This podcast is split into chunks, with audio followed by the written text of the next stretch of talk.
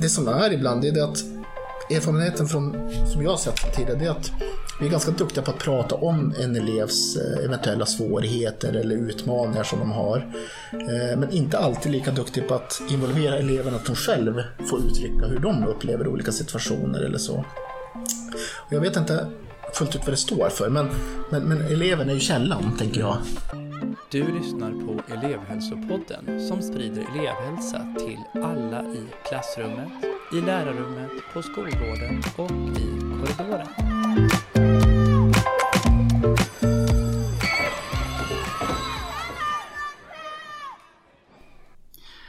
Välkomna till elevhälsopodden.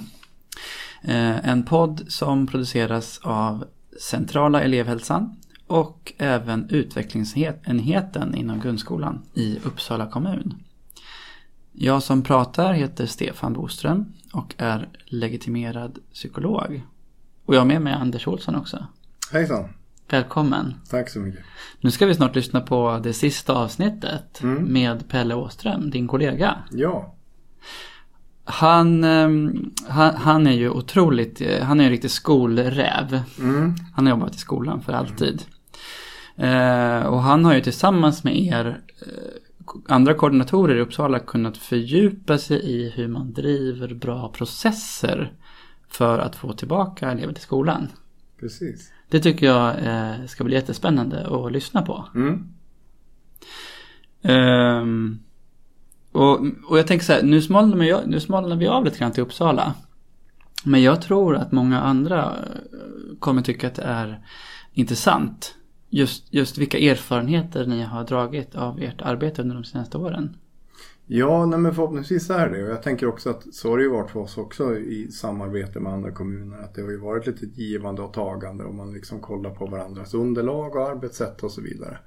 Och sen har ju vi skapat vårat arbetssätt utifrån det och liksom egen erfarenhet. Och, eh, nej men det är bra. Och Pelle är bra. Jag är glad att vi har han här. Och just det att han har sån erfarenhet från skolan. Vi är ju lite blandade professioner i, i våran grupp som koordinatorer. Och vi är väl mestadels socionomer. Men eh, han, Pelle är bra med som en skolräv som du beskrev han. Mm. Vi tar och lyssnar på avsnittet Mm. och sen eh, reflekterar vi och eh, knyter ihop säcken kring problematisk skolfrånvaro. Mm, toppen. Nu kör vi.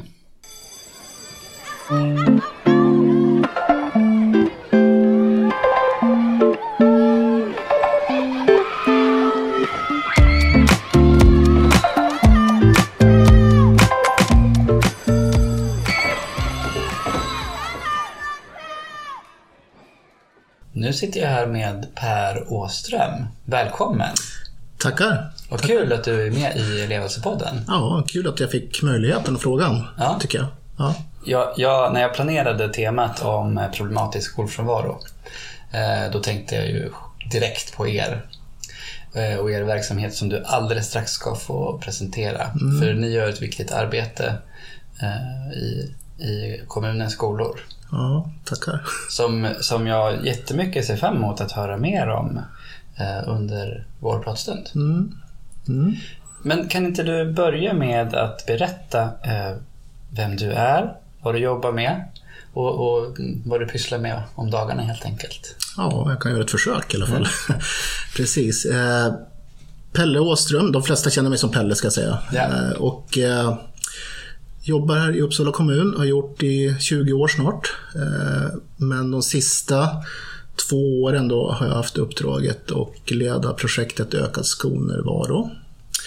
Eh, samverkansprojekt som vi då har i Uppsala kommun mellan utbildningsförvaltningen, socialförvaltningen och omsorgsförvaltningen. Okej.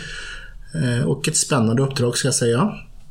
Eh, Och anledningen till att jag fick den frågan tror jag, det är väl att jag jobbar med specialpedagogisk handledning. Jag är specialpedagog ska jag säga i grunden och haft handledning då genom konsultativt stöd kring elever med en, en frånvaroproblematik kan man säga.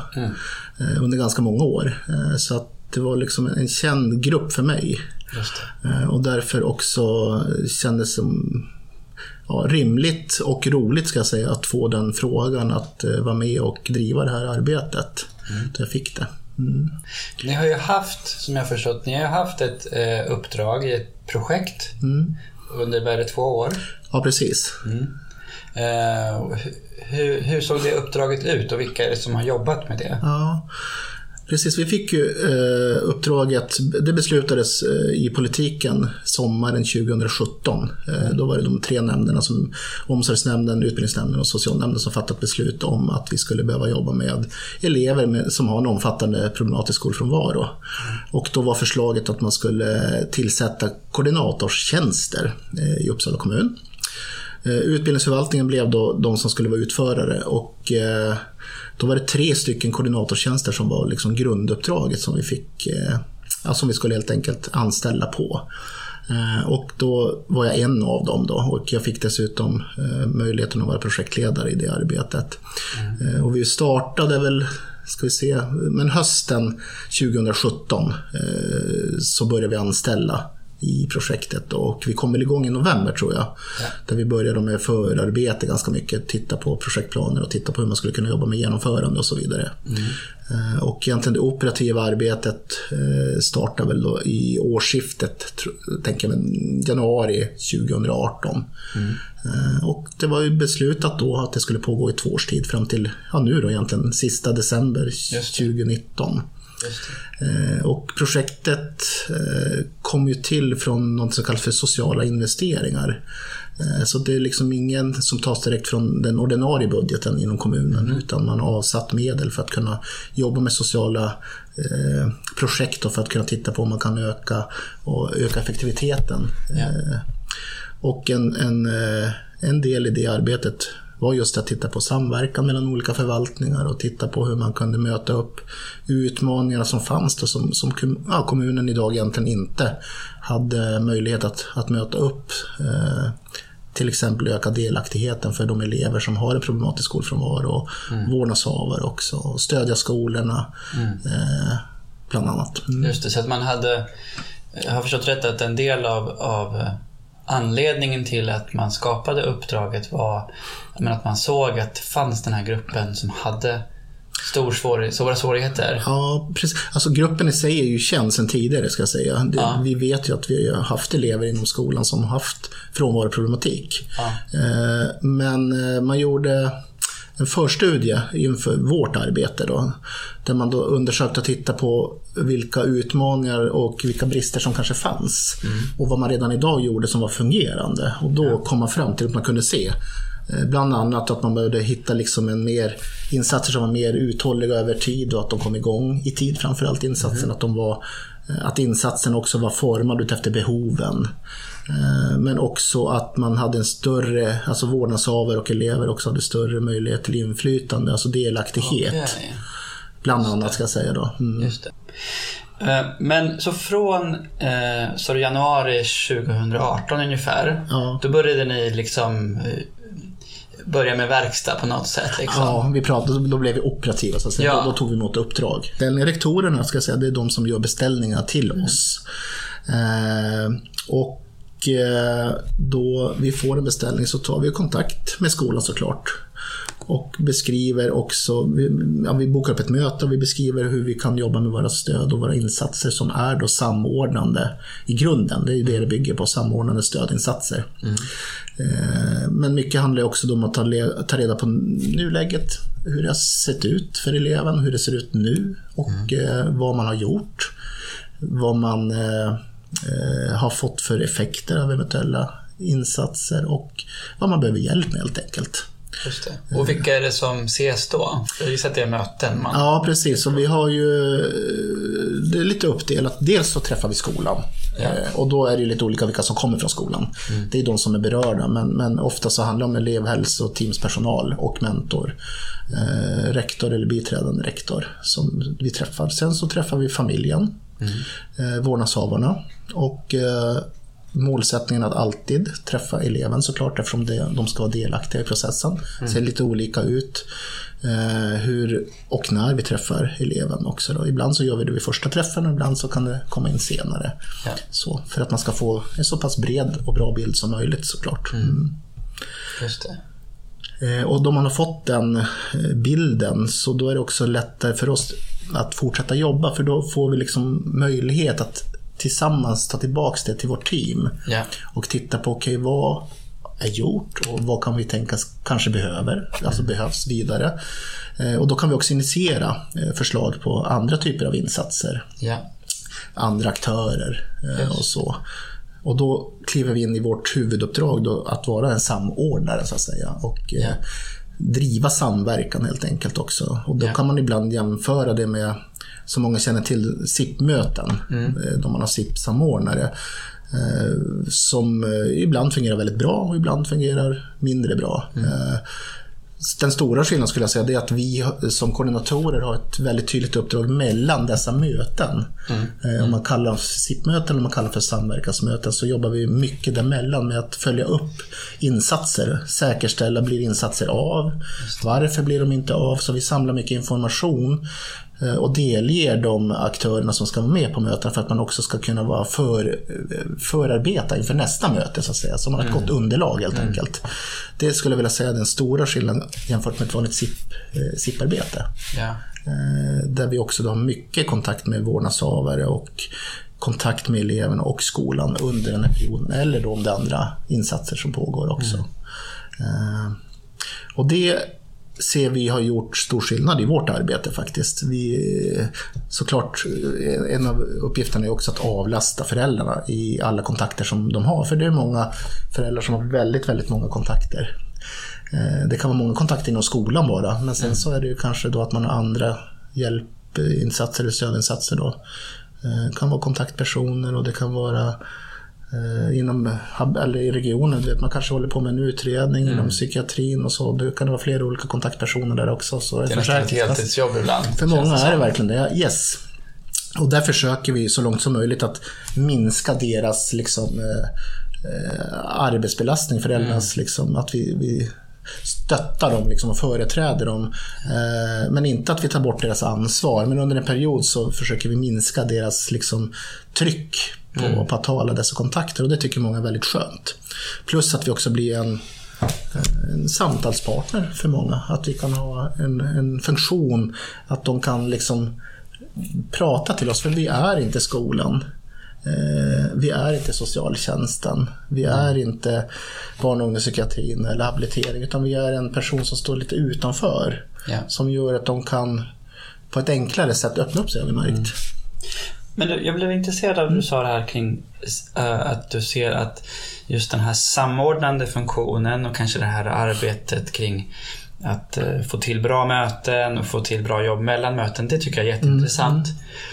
Mm. Uh, om man då tänker att ni inte var där, utan ja. det, skulle, det, här, det här jobbet skulle göras på ett bra sätt ändå. ändå ja, Vad är det som liksom vad ska till för att det ska bli ett bra nätverksarbete mm. kring skolnärvaro eller frånvaro? Mm, precis.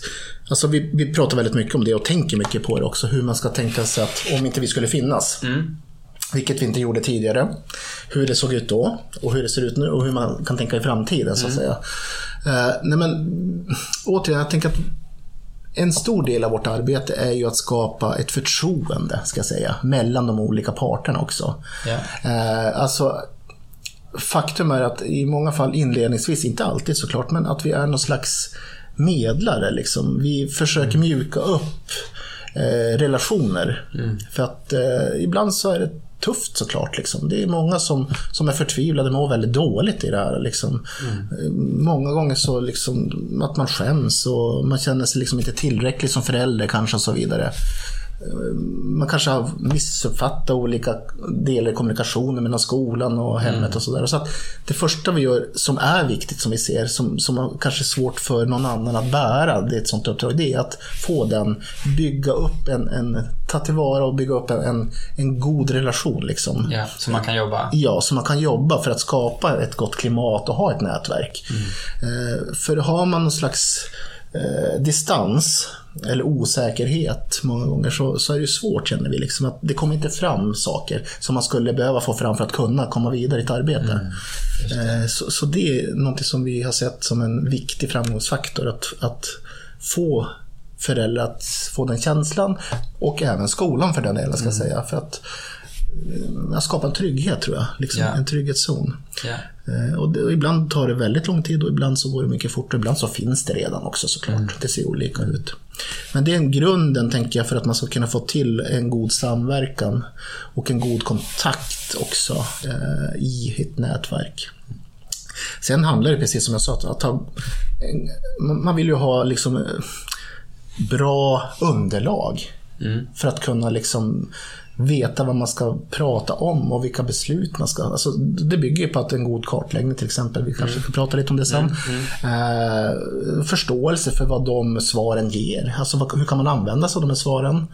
Eh, men också, tänker vi, tydliga liksom beslutsplaner. Vart vill vi någonstans? Vart är vi på väg? Okej. Eh, hur ska vi jobba i de här processerna? Ja. Eh, inte bara att man möts och så pratar man om, om saker, önskningar kanske, utan hur, vad är det vi beslutar faktiskt i den här processen och vem bär ansvaret för det? Tidsplanen, när ska det utföras, när ska det ske också, så man också har möjlighet att följa upp det. Alltså korta delmål och, och på längre sikt också. Där tänker vi att det, det är sånt som är jätteviktigt. Alltså oberoende, nu sköter ju vi det och tydliggör det uppdraget. Men det är ju någon som bör bära ett sånt ansvar. Eh, oavsett om vi skulle finnas med eller inte, tänker vi. Så en tydliggörande vad gäller handlingsplaner. Och att det är viktigt att de ska vara kända och man ska förstå dem också. Både vårdnadshavare, skola, alla inblandade och inte minst eleven. Såklart. Tror du att det kanske behövs eh, den funktionen av samordnare i ett sånt nätverksarbete? Ja, Jag, skulle, jag är helt övertygad faktiskt att, att den funktionen behövs. Ja. Eh, vi har ju försökt förstå Eh, jag, menar, jag kommer från skolans värld liksom, och, och titta på hur skulle man kunna använda sig av de befintliga resurserna inom, inom den befintliga verksamheten. Eh, och det finns ju väldigt, det handlar inte om kompetenser tänker vi, utan det här handlar om, om möjligheter att kunna utföra vissa uppdrag. Ja. Eh, Det skulle med all säkerhet kunna vara en person inom, inom skolan till exempel som skulle kunna bära ett sådant ansvar. Men då bör man också ha en sån arbetsbeskrivning och sån tid för att kunna genomföra det, tänker vi. Ja.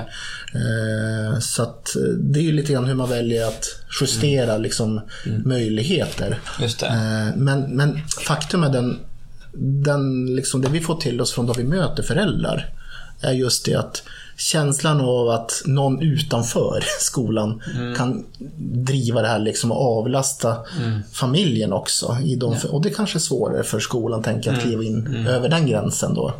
För det kan uppfattas ibland lite, alltså integriteten liksom mellan skolan och hem. Alltså det finns någon slags gräns där som är både uttalad och out- outtalad tänker jag. Så att om, det, om man tänker så här att om det ändå har gått så pass långt som det oftast har gått i de här ärendena. Så tänker du att då behövs det någon som är, har en uttalat neutral roll som, sam, som samordnar. Ja, så vi har ju sett fördelar med att ha det i alla fall. Eh, Det finns också såklart risker med det Ja, arbetet. just Eh, Det gör det, men vi ser absolut att det finns stora vinster med det. Inte minst utifrån hur vårdnadshavarna och familjen upplever den situationen. Så vi tänker är jätteviktiga i det, att de kan få det stödet och den avlastningen. Och känslan, för det är svårt tänker vi för många gånger för, för föräldrarna att veta också vad man kan förvänta sig att skolan ska göra eller erbjuda för stöd. Såklart. Och då är det också svårt att efterfråga någonting om man inte har den kunskapen.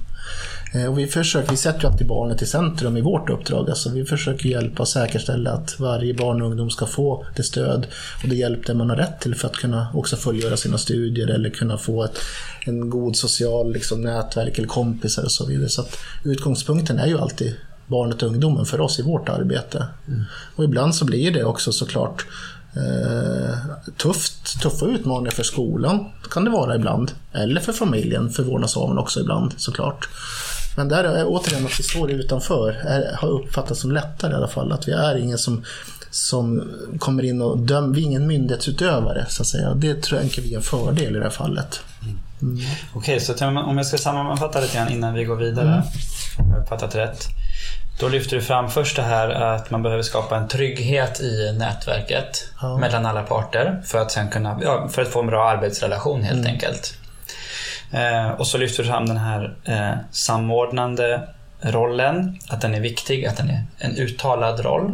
Oavsett då var den kommer ifrån. Så finns, har ni sett goda effekter av det.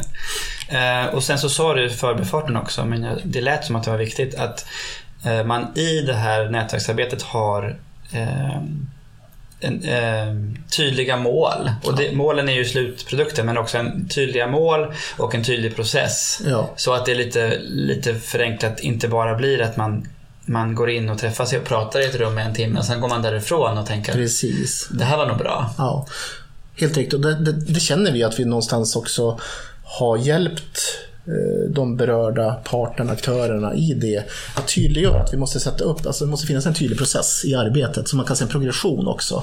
För att då är det betydligt mycket lättare också att kunna jobba med uppföljningsmöten och utvärderingar eh, och veta vart man, vart man är på väg helt enkelt. Och om, man, eh, om man lyssnar på det här nu och tänker att men jag är någon som ehm, som ofta behöver ta ansvar i, i det här arbetet.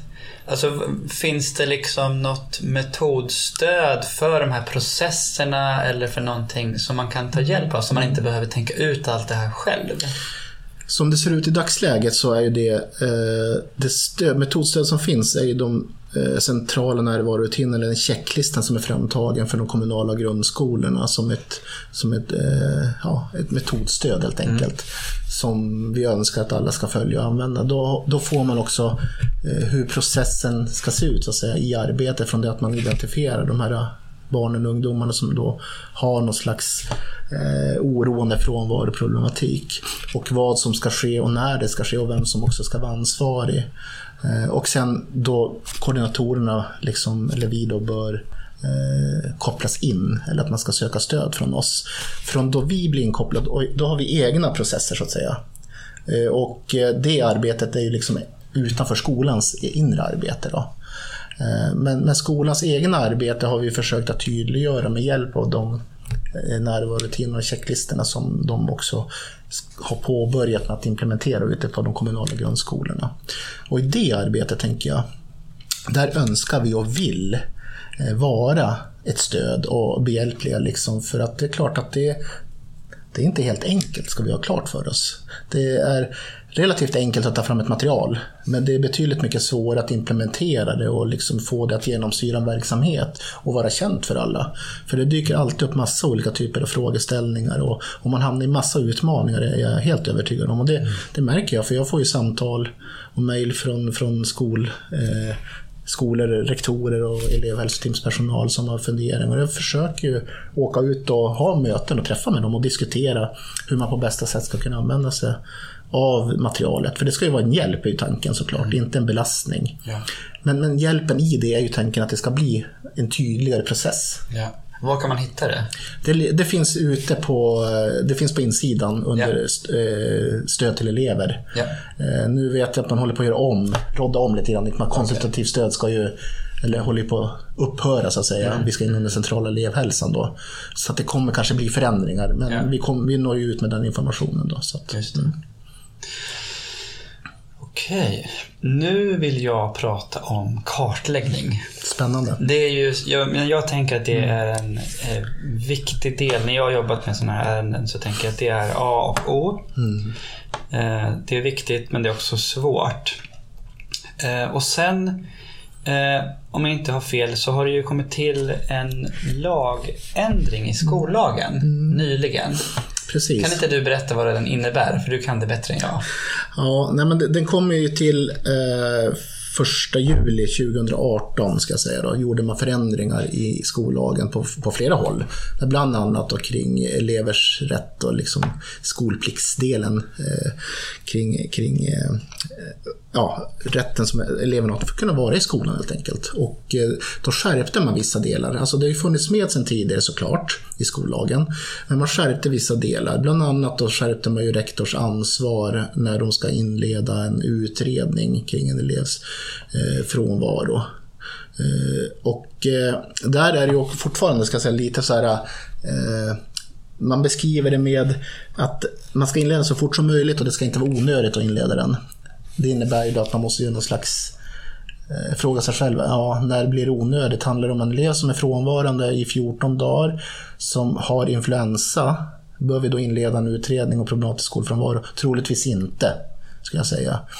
Eh, men man kan ju inte vara helt säker. Man behöver liksom ändå stämma av såklart om det verkligen handlar om det eller handlar om någonting annat först och främst. Just det. Men där skärpte man upp att, att rektorn verkligen ska ta det ansvaret. Vilket vi tycker är lättare då vi har diskussioner och samtal med rektorerna också. Eh, en, en tydligare, alltså en mer tydlighet i det uppdraget. Eh, men också pratar man ju om det här med att man därigenom också ska inleda en utredning. Det ska man då alltså Finns det en oro så ska man anmäla till huvudman eller till hemkommun beroende om vi pratar om det kommunala grundskolor eller om det är fristående skolor. Då. Eh, Att man, man anmäler till eh, huvudman eller hemkommun att man har inlett en utredning om elevs eh, frånvaro. Eh, Men, och då innebär det att inleda en utredning. Vad är det då? Där har man då ställt sig frågan och vi har också haft upp frågan till eh, våra kommunjurister och vi har pratat med jurister på, inom Skolverket och vi har varit på eh, Eh, andra utbildningar man diskuterar. För det finns inga allmänna råd eller riktlinjer från, Skolverket vad det innebär egentligen. Vad, vad utredningen ska eller bör innehålla. Utan man ser att det, det är olika. Eh, och, och det är klart att det måste vara olika. Men det måste också finnas någon slags grund i vad utredningen bör innehålla, tänker vi. En viktig del, helt säkert, handlar ju om att eh, ta reda på vad som orsakar frånvaron för eleven från skolan så långt som möjligt. Det innebär att då bör man också genomföra någon slags kartläggning. Mm. och där kan man tänka sig att en kartläggning kan ju se olika ut. Eh, innan vi började vårt arbete i det här projektet så, så fanns det egentligen inget bra eh, kartläggningsmaterial. Det finns mycket kartläggningsmaterial ska jag säga, men inte som kanske är riktat ut efter att man ska ta reda på en elevs frånvaro eller vad som orsakar den. Utan det var mer nischat utifrån en elev som du har mm, svårigheter med autism eller ADHD-problematik. Alltså man misstänker det och tittar på de olika fälten och områdena, vilket i sig kan vara bra, absolut. Eh, men vi tänker att man behöver ha en Första delen handlar mer om en screening alltså, för att hitta områden som kan vara problematiska eller orsaka eh, svårigheter för den eleven att komma till skolan eller vistas i skolmiljön. Eh, eller för den delen också andra orsaker som kanske ligger utanför skolan men som orsakar att man har svårt att komma till skolan. Och vad är det för områden som man screenar då? Ja, vi tittar ju, alltså det är skolrelaterade områden, eh, individfaktorer tittar vi, sociala faktorer också tittar vi på. Det är de tre stora områdena. Eh, och vi har, den här kartläggningsstödet som vi erbjuder till skolan är ju uppdelad i två olika delar. Den första delen är ju tänkt att den ska vara lite bredare, lite mera eh, skolrelaterat helt enkelt. Och tanken är ju också då att man ska fånga upp eleven tidigt. Eh, så att man har möjlighet att, att genomföra en sån kartläggning tillsammans med eleven. Eh, och då kanske man i de- den kartläggningen kan hitta olika delar som man, man ser är oroande eller som man skulle vilja fråga mer om. Så man helt enkelt screenar av områden och hittar man områden som man vill fråga mer om, då ska man såklart fråga mer om vissa områden också. Men del två är lite mer, eh, då tittar vi också, man gör en, en nätverkskarta, tittar på elevens, liksom vilka personer som kanske är viktiga för den här eleven, kompisar och eh, man tittar också på mer familjerelaterade frågor och frågor som kanske berör hemsituationer på ett annat sätt. Eh, och vi har haft många funderingar, liksom vem ska ställa frågorna och sådär. För det kan ibland kännas lite obekvämt för en vanlig, eller för en vanlig, men för mentorn eller för läraren att göra det. Då. Och, vi tänker kanske att det viktigaste är ju att det ska vara någon som, som har en relation eller någon slags anknytning till eleven så att de kan känna en trygghet. Eh, Sen är det mindre viktigt vem som gör det, tänker vi. Eh, Men, men diskussionen har såklart kommit upp och vi har väl rekommenderat, om det är möjligt, om man har en kontakt med kuratorn så kan det vara en, en, en, en kuratorsuppdrag, tänker vi. Att lättare prata om saker som ligger lite utanför skolan också. Ja. Mm. Men det är inte per automatik att det behöver vara så, tänker vi. Men, men den här kartläggningen är ju viktig, eh, absolut. Eh, och få en, en så god grund och förståelse för vad som orsakar frånvaron. Men vad, vad, om den är så viktig, då gissar jag att ni när ni har sett i det här kartläggningsarbetet att det, mm, det finns saker som skolor har svårt att eh, kartlägga kring. Du, näm, du nämnde ju det sociala som kan, Ja, det kanske är en ja, utmaning. ja. Finns det andra områden också? Eller sätt att göra det som är... Jag skulle säga så här, det, det absolut svåraste, det vi har sett, det är att få till det överhuvudtaget. Okej. Ja, ja nej, men så faktum är den att, eh, att, att det, det är svårt ibland därför att många gånger så har eleven hunnit bli hemma. Vilket innebär att man har ingen naturlig koppling att kunna utföra, alltså jobba tillsammans och ställa de här frågorna. Eh, Det har oftast gått lite för lång tid från det att man har upptäckt att en elev börjar bli frånvarande tills att de faktiskt är helt frånvarande. Eh, Och då är det också svårt att ut, alltså, utföra kartläggningen för att hur ska man göra den då? Tillsammans med eleven ja. Ja, och när ska vi göra det? Ska vi gå hem till eleven eller ska, eleven vill inte komma till skolan? Eh, och eh, ja, du vet, den biten i sig är ju begränsande. Va? Så att vi tänker så att kan man bli skickligare på att tidigare identifiera att en elev börjar bli frånvarande och följa de här närvarorutinerna. Då har man också en elev som är kvar i skolan tänker vi. Och då har man också en naturlig liksom, koppling till att kunna ha en träff liksom, tillsammans med den personen som de förhoppningsvis har en god relation till. Om det är mentorn eller någon annan. Eh, Och kunna göra kartläggning. Så det är, det är nummer ett. Och den första delen bygger som sagt var mycket på skolrelaterade frågor. Vi tittar på scheman, vi tittar på hur lektionen ligger i tid. Eh, Man tittar också på förflyttningar bland annat inom skolan. Mm, Ja, men vart man sitter, man tittar på eh, ljud, ljus, bland annat sådana faktorer. Ja, bland annat. Men men det är skolrelaterade frågor i huvudsak i alla fall. Eh, För att försöka få en bild om det är det någonting där som, som påverkar. Eh, och sen som sagt var steg två är ju då att man gör en fördjupad kartläggning där man jobbar mer med individfaktorer och sociala faktorer. Eh, det, det som är, det är väl det att ibland så är elever svårpratade. Materialet, ska vi säga, det vi har tagit fram är ju ett generellt material. Och det är svårt i sig. Alltså ett material som ska vara från årskurs 1 upp till årskurs 9 i tanken då. Det ska ju såklart kunna nyttjas inom gymnasieskolan också. Men hela spannet och eh, vi fick uppdraget av grundskolan men det ska ju också kunna användas inom särskolan till exempel. Men det är inte anpassat. Det finns till exempel inget bildstödsmaterial med utan det är ett generellt material. Så det finns ju många möjligheter att kunna utveckla det, liksom att kunna hitta så att, så att man kan nå fler elever kanske.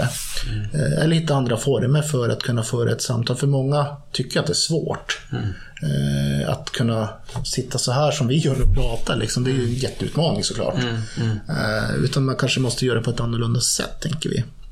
Ah, så att den som gör kartläggningen den utgår ifrån ert material men man behöver ha en kompetens att ändå eh, anpassa det efter eh, barnet och Ja. de som ska vara med i Ja, kartläggningen. men vi tänker så. För det är klart att om du har en elev som har svårt att uttrycka sig, kanske verbalt, eller man, och man vet det liksom i alla sammanhang.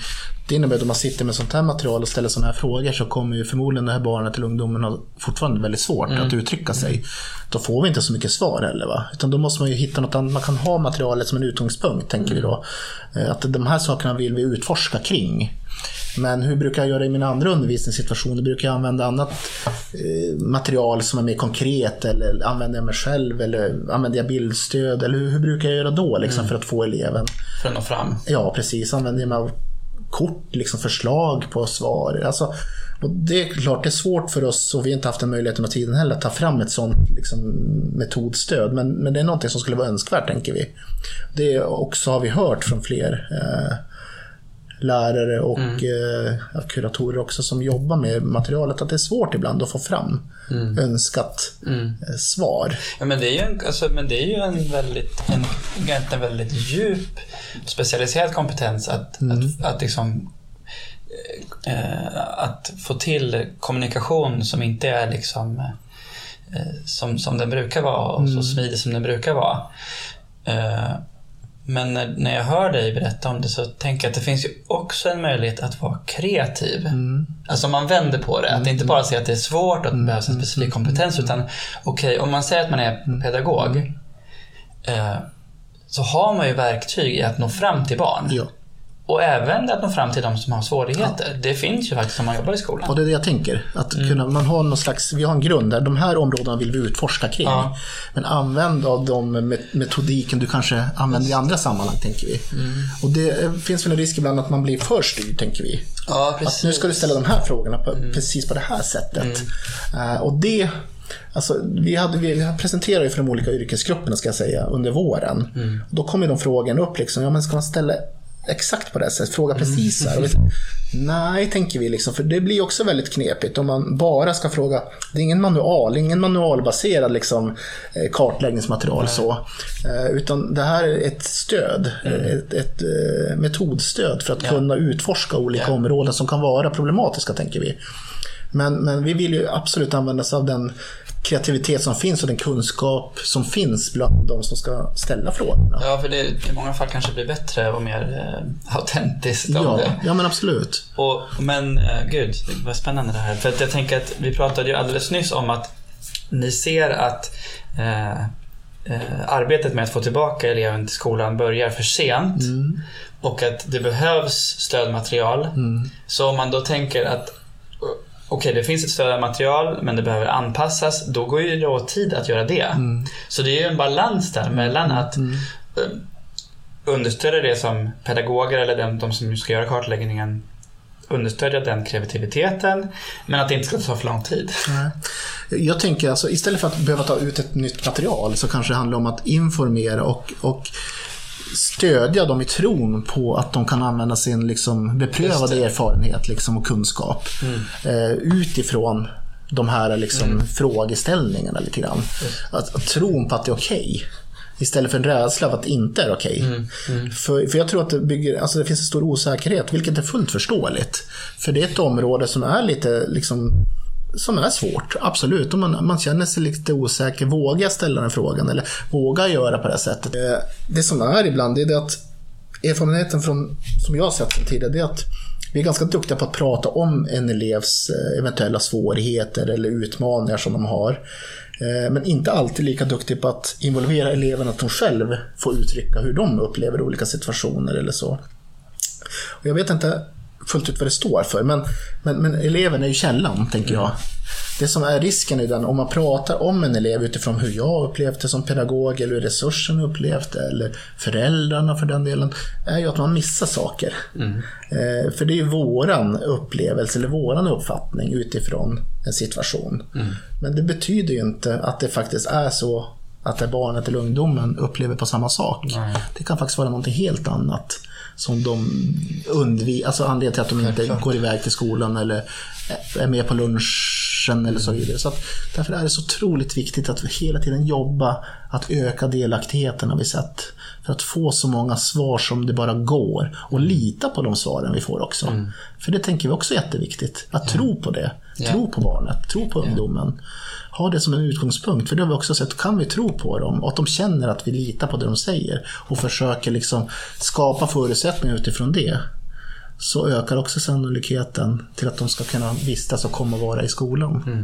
Ja, Men vi, vi vuxna, vi kan ju ha massa vuxenteorier. Och då, sa- då sa ju du, ja men ibland så stämmer de faktiskt inte. Och då behöver vi jobba på att få kontakt med barnet. Det kan ju vara också, också att teorin stämmer. Barnet har bekymmer inom det området. Men i och med att eh, vi är vuxna som säger det så liksom det är inte förankrat sen när vi går in i en eventuell förändringsinsats. Precis. Precis. Så det bästa är ju, tänker jag i alla fall, om barnet själv får berätta om sina bekymmer. Precis, att de ges möjlighet, tänker vi, att kunna, om det är möjligt, att uttrycka, liksom, eller på något vis i alla fall beskriva. Så, så ser vi att då ökar ju sannolikheten att det ska bli förankrat och därigenom också kunna få en bättre liksom, eh, möjlighet till förändringsarbete i alla fall. Eh, För, för absolut, många gånger är det så att vi har en ganska duktig bild, alltså vi är duktiga på att se och vi har en ganska bra bild ska jag säga, av, av vad som kan vara orsaken eller svårigheten eller utmaningen. Då. Eh, Men är den inte förankrad hos, Nej. hos eleven så, så har man ju oftast ett motstånd. Sen kan det också vara så här, tänker jag, det som också är intressant, det är det att de flesta barn och ungdomar som vi möter, de har ju en jätte, jättestark vilja såklart att vara i skolan. Att vara tillsammans med sina kompisar, att gå i sin klass, att vara precis som alla andra. Eh, Och den bilden som de liksom mentaliserar, som de ser framför sig, kanske inte alltid överensstämmer med eh, den situation som de befinner sig just nu. Den deras liksom, de förmågor som de har just nu. Alltså, och den, eh, det mående då som de har kanske just nu. Det kanske inte är möjligt för dem att kunna gå hela dagar i skolan. Mm. De kanske inte orkar det. Men, men det är det de vill och det är det de önskar och det de tänker sig att de ska göra. Och då kan det också bli problematiskt om man tänker att man är för inlyssnande. Just det, nu börjar vi... Kom och ja. var, var med hela dagen. Ja, men, och det här är ju såklart jättesvårt för vi vill ju vara flexibla och vi vill ju vara inlyssnande och vi vill ju verkligen bjuda till, såklart. Mm. Vi vet att det är viktigt. Och vart går gränsen då? Mm. Liksom till, när ska vi då som professionella säga att Nej, men det här tänker vi eh, att det, du skulle må mycket bättre av att gå de här tiderna mm. till exempel. Eh, jag har haft flera sådana elever liksom, som man har mött som har Alltså, som viljan finns ju där såklart. Liksom. De vill gå hela dagen, de vill gå i stor klass. Det är verkligen deras vilja och önskan. Men de fixar inte. Liksom. Det blir mm. liksom för svårt och för tufft och för utmanande för dem. Mm. Och, och, det i sig är ju en utmaning att jobba med den delen.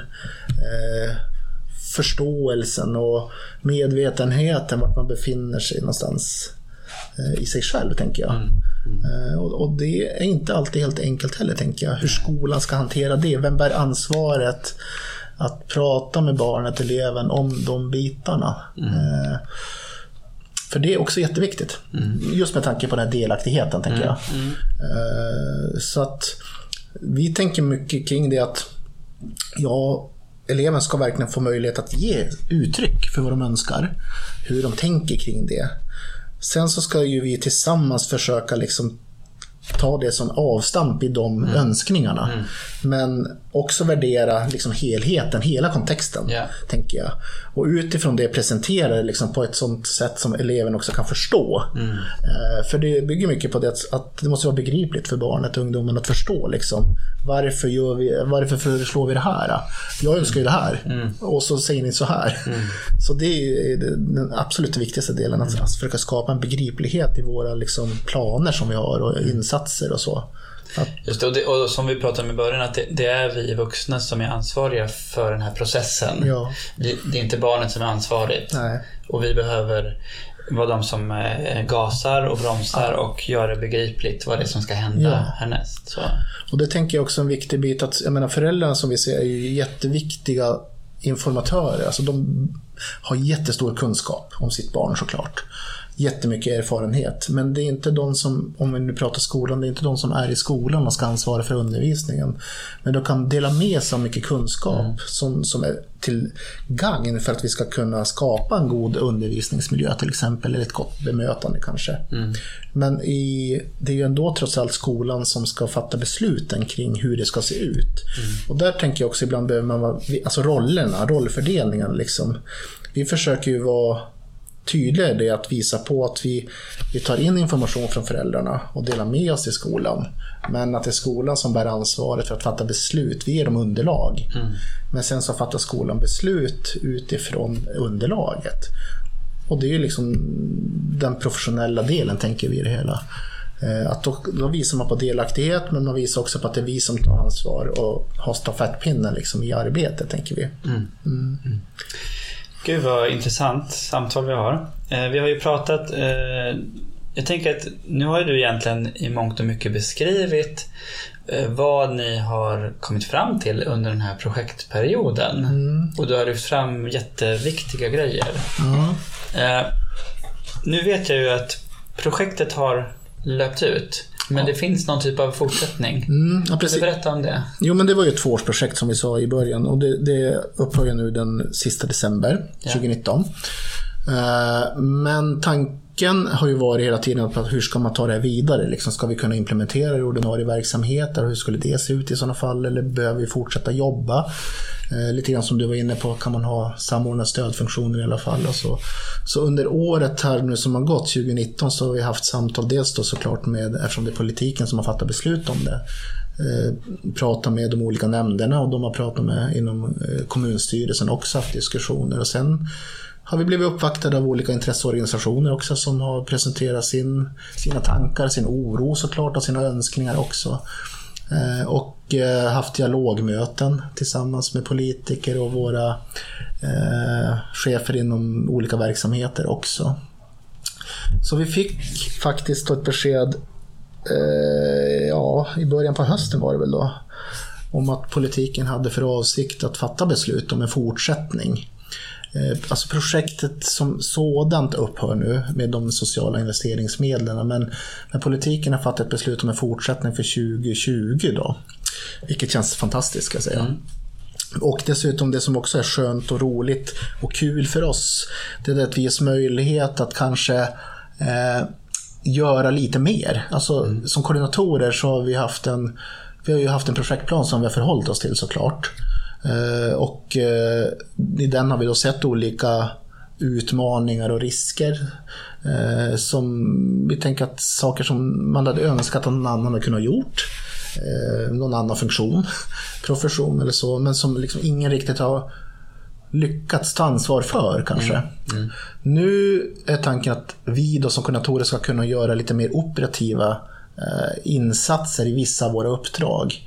Okay. Eh, för att kunna fylla upp det hålrummet. Alltså elever som faller mellan stolarna på grund av att de kanske inte kommer iväg till skolan för att föräldrarna inte har möjligheten att, liksom, eller det är svårt som förälder också, att, att motivera sitt barn att komma iväg. Eller att de inte är hemma. Eller, de, det finns liksom ingen som kan ta det ansvaret. Nu kan vi möta upp kanske i hemmet i vissa fall då, att följa med till skolan mm. under en begränsad period. Förutsatt att vi har en god mottagare i skolan där vi har gjort en tydlig plan, det finns ett tydligt syfte eh, och hur det ska se ut om man slutar med en sån insats också. Så att vi kan göra lite mer operativa saker utan att för den delen eh, beskriva i detalj vad de innebär. Utan det, det tänker vi att det kommer av, alltså avgörande, lite grann beroende hur behoven ser ut i de olika ärenden. Då, så att det behöver inte vara lika. Men det kommer fortsätta att ha en samordnande roll också? Grundfunktionen kommer, det är det som är huvuduppdraget ska jag säga. Ja. Eh, huvuduppdraget är densamma mm. eh, med samordningen, vilket är jättebra. Eh, och tanken att vi ska ha ännu mer fokus på att utveckla samordnande eh, över förvaltningsgränserna, men också tanken att eh, våra nya projektledare, för jag kommer inte fortsätta vara projektledare utan jag kommer vara operativt ansvarig istället för arbetet.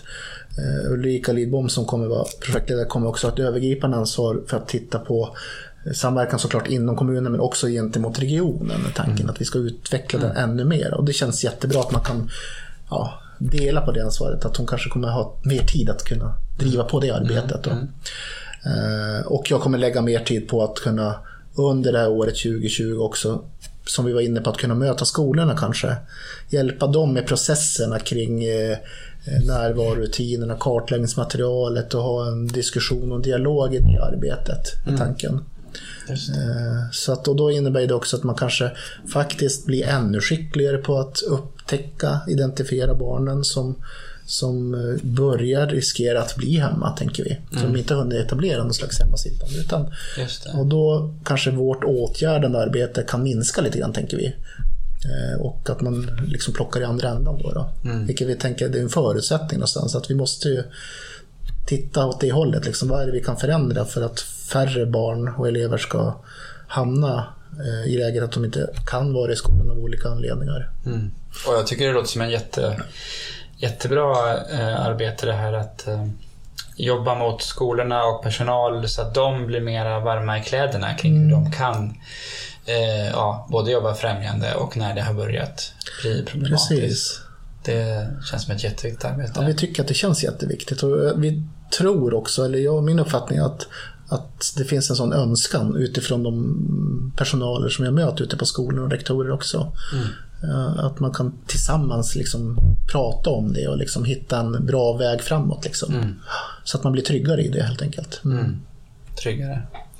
Pelle, eh, tack så jättemycket för eh, det här samtalet. Ja, tack själv. Jag tyckte det var jätteintressant och jag, ja. jag tror att många kommer tycka att det är eh, bra bra saker som man kan ta vidare i sitt jobb ja. med det här. Ja, vi, alltså det är ju såklart, man jobbar ju, vi brinner ju för det här arbetet. Jag mm. brinner för det här. Jag tycker att det är superviktigt. Alltså det, det, så är det ju verkligen. Mm. Jag önskar ju att eh, man kan dela med sig. Och det här är ju ett sätt. Ja. Jag tycker det är jättefantastiskt. Superbra initiativ ska jag säga. Och jag hoppas de som lyssnar också att eh, ta kontakt, våga ta kontakt med, med mig eller med vårt, eh, våra koordinatorer. För att eh, så kan vi hjälpas åt tänker jag. Ja. I tidigt skede liksom. Precis, tillsammans blir vi bättre. Absolut, så är det. Tack för att du var med Pelle. Tack själv. Tack.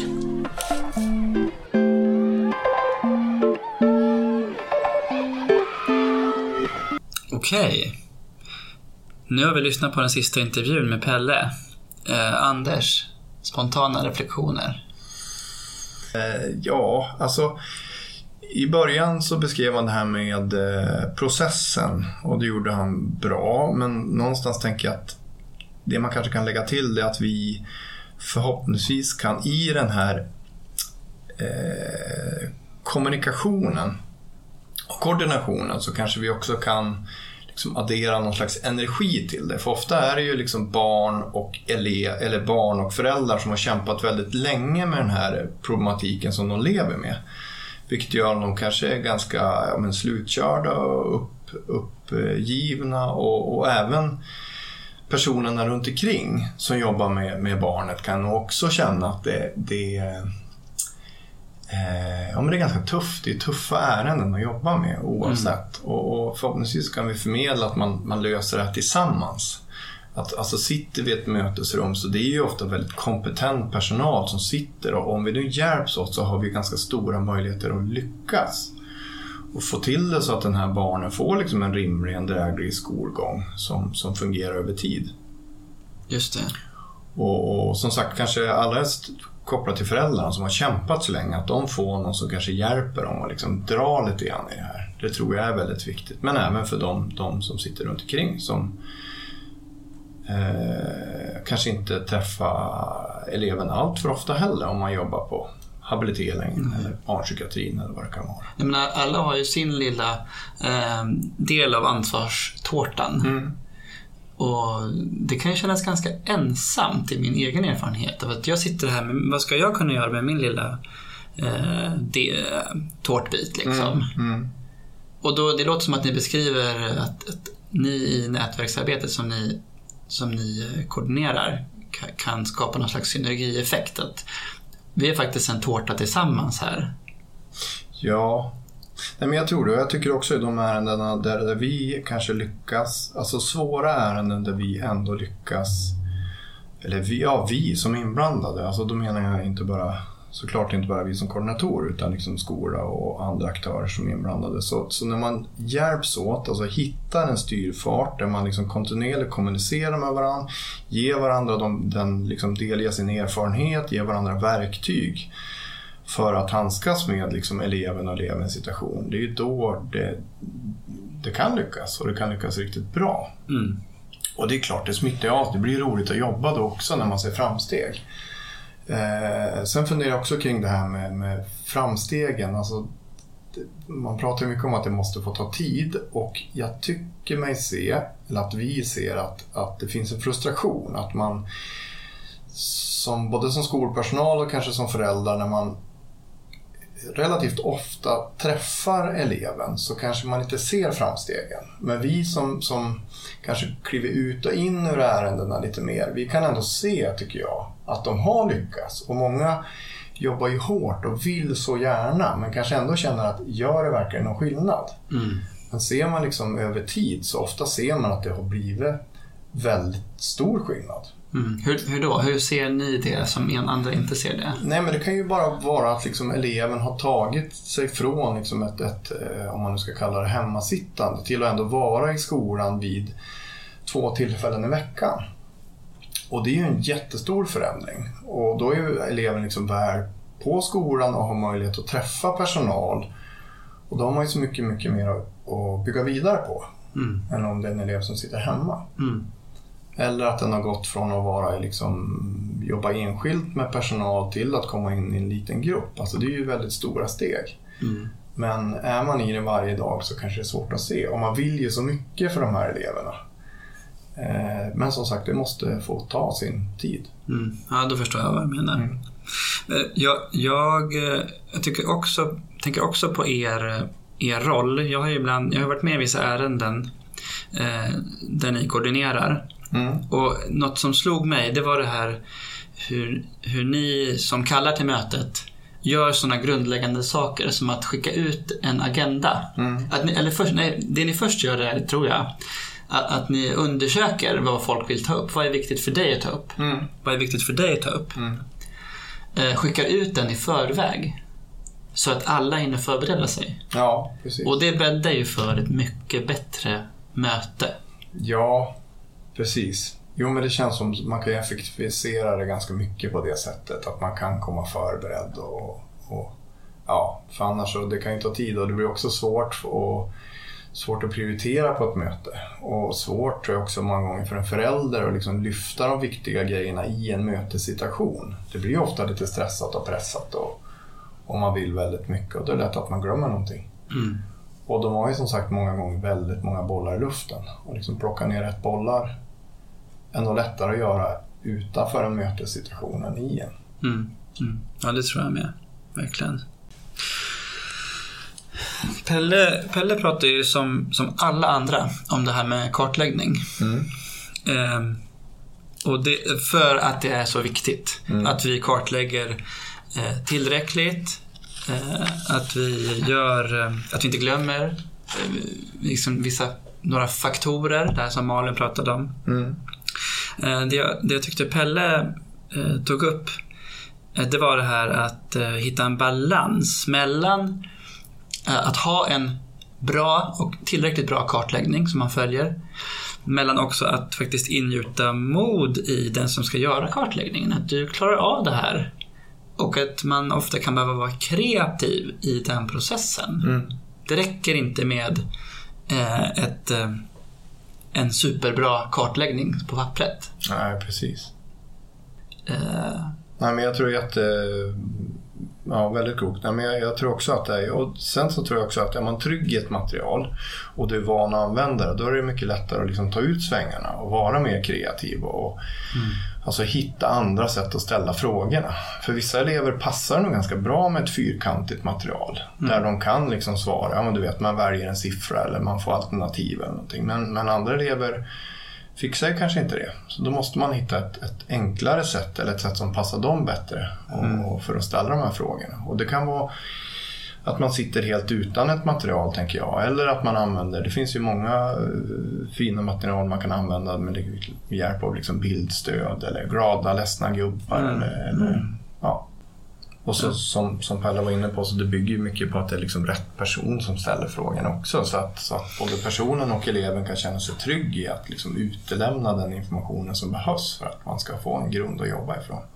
Just det. Just det. det var klokt det han sa att eh, det här att man måste ju göra, det är också självklart, men när han säger det blir det så viktigt det här att man måste ju göra kartläggningen innan det har blivit en för stor distans. Innan eh, elev och skola har dockat från varandra. Precis. Precis. Ja, det, det är någonting vi pratar väldigt mycket om och som även både Maria och Malin som vi har pratat kring tidigare nämner också just det med liksom tidiga insatser. Att man fångar upp dem innan det blir en, en eh, för stor distans mellan skola och, och eleven. Mm. Mm. Vad, vad bra, nu kommer vi in lite grann att eh, knyta ihop säcken kring hela, hela temat. Eh, vad, vad tar vi med oss? Alltså jag tänkte på det, det nu när vi pratade om det här med kartläggning och tidiga insatser. Och jag tänkte det Malin sa om att frånvaro leder till frånvaro. Alltså det tror jag är jätteviktigt att ha med sig. Att, att oavsett var det liksom grundas i från början, det är ju såklart jättekomplext, men när man väl börjar vara borta, ja men då är det ju ett, ett jättegediget arbete som ofta behöver göras.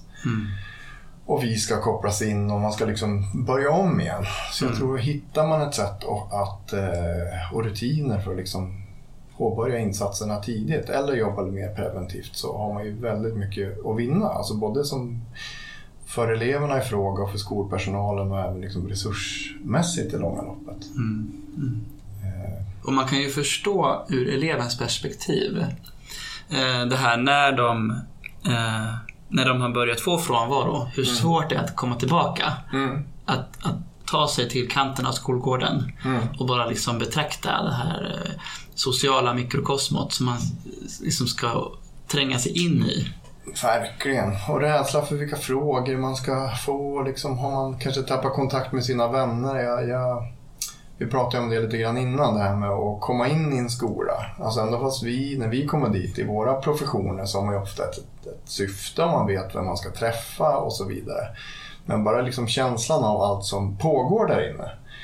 Och jag tror så länge man har någon eller några att förhålla sig till och umgås med, då är det inga konstigheter att gå ut på rast eller stå och vänta på att bli insläppt i klassrummet. Men har man inte, inte den kopplingen till någon, då är det jättetufft. Oavsett hur duktig man är eller hur anpassat schemat är eller hur, hur så. Så jag tror det, det, ja, men det är jättekomplext verkligen. Mm. Och vi behöver sätta oss in i, i elevens eh, skor, hur det är att vara Ja. där. Ja. Och även som de, som de alla har varit inne på också, det, just det här och, och de beskrev det så fint som att kroka arm med, med både varandra och med andra instanser, andra förvaltningar. Att det är ju känns också jätteviktigt. Mm. Dels för att kunna samarbeta men även för att liksom få, få en, en bättre förståelse för det arbetet man gör och de förutsättningar man har. Mm. För det är ju ofta ganska... Många har ju mycket att göra. Mm. Och så kollar man liksom schemat för en, en pedagog eller för, för en socialsekreterare. Eller det, det är ju inte mycket luft i systemet. Och det är ju kanske den där luften man skulle behöva många gånger. Ändå fast man har kanske god förkunskap och bra kompetens och man får fortbildningar så gäller det att liksom få det att funka i, i verkligheten. Mm. Och det är som sagt, jag är ödmjuk inför mitt uppdrag men även väldigt ödmjuk inför det, det jobb som, som alla andra gör runt omkring de här eleverna. Mm. Trots att de egentligen inte har tid. Ja. Mm. Och sen om det beror på resurser eller på hur man planerar eller ledning, eller det är ju jättesvårt att svara på. Det fungerar ju ganska olika på, på många ställen. Sen vad det beror på, det vet vi inte alla gånger. Nej.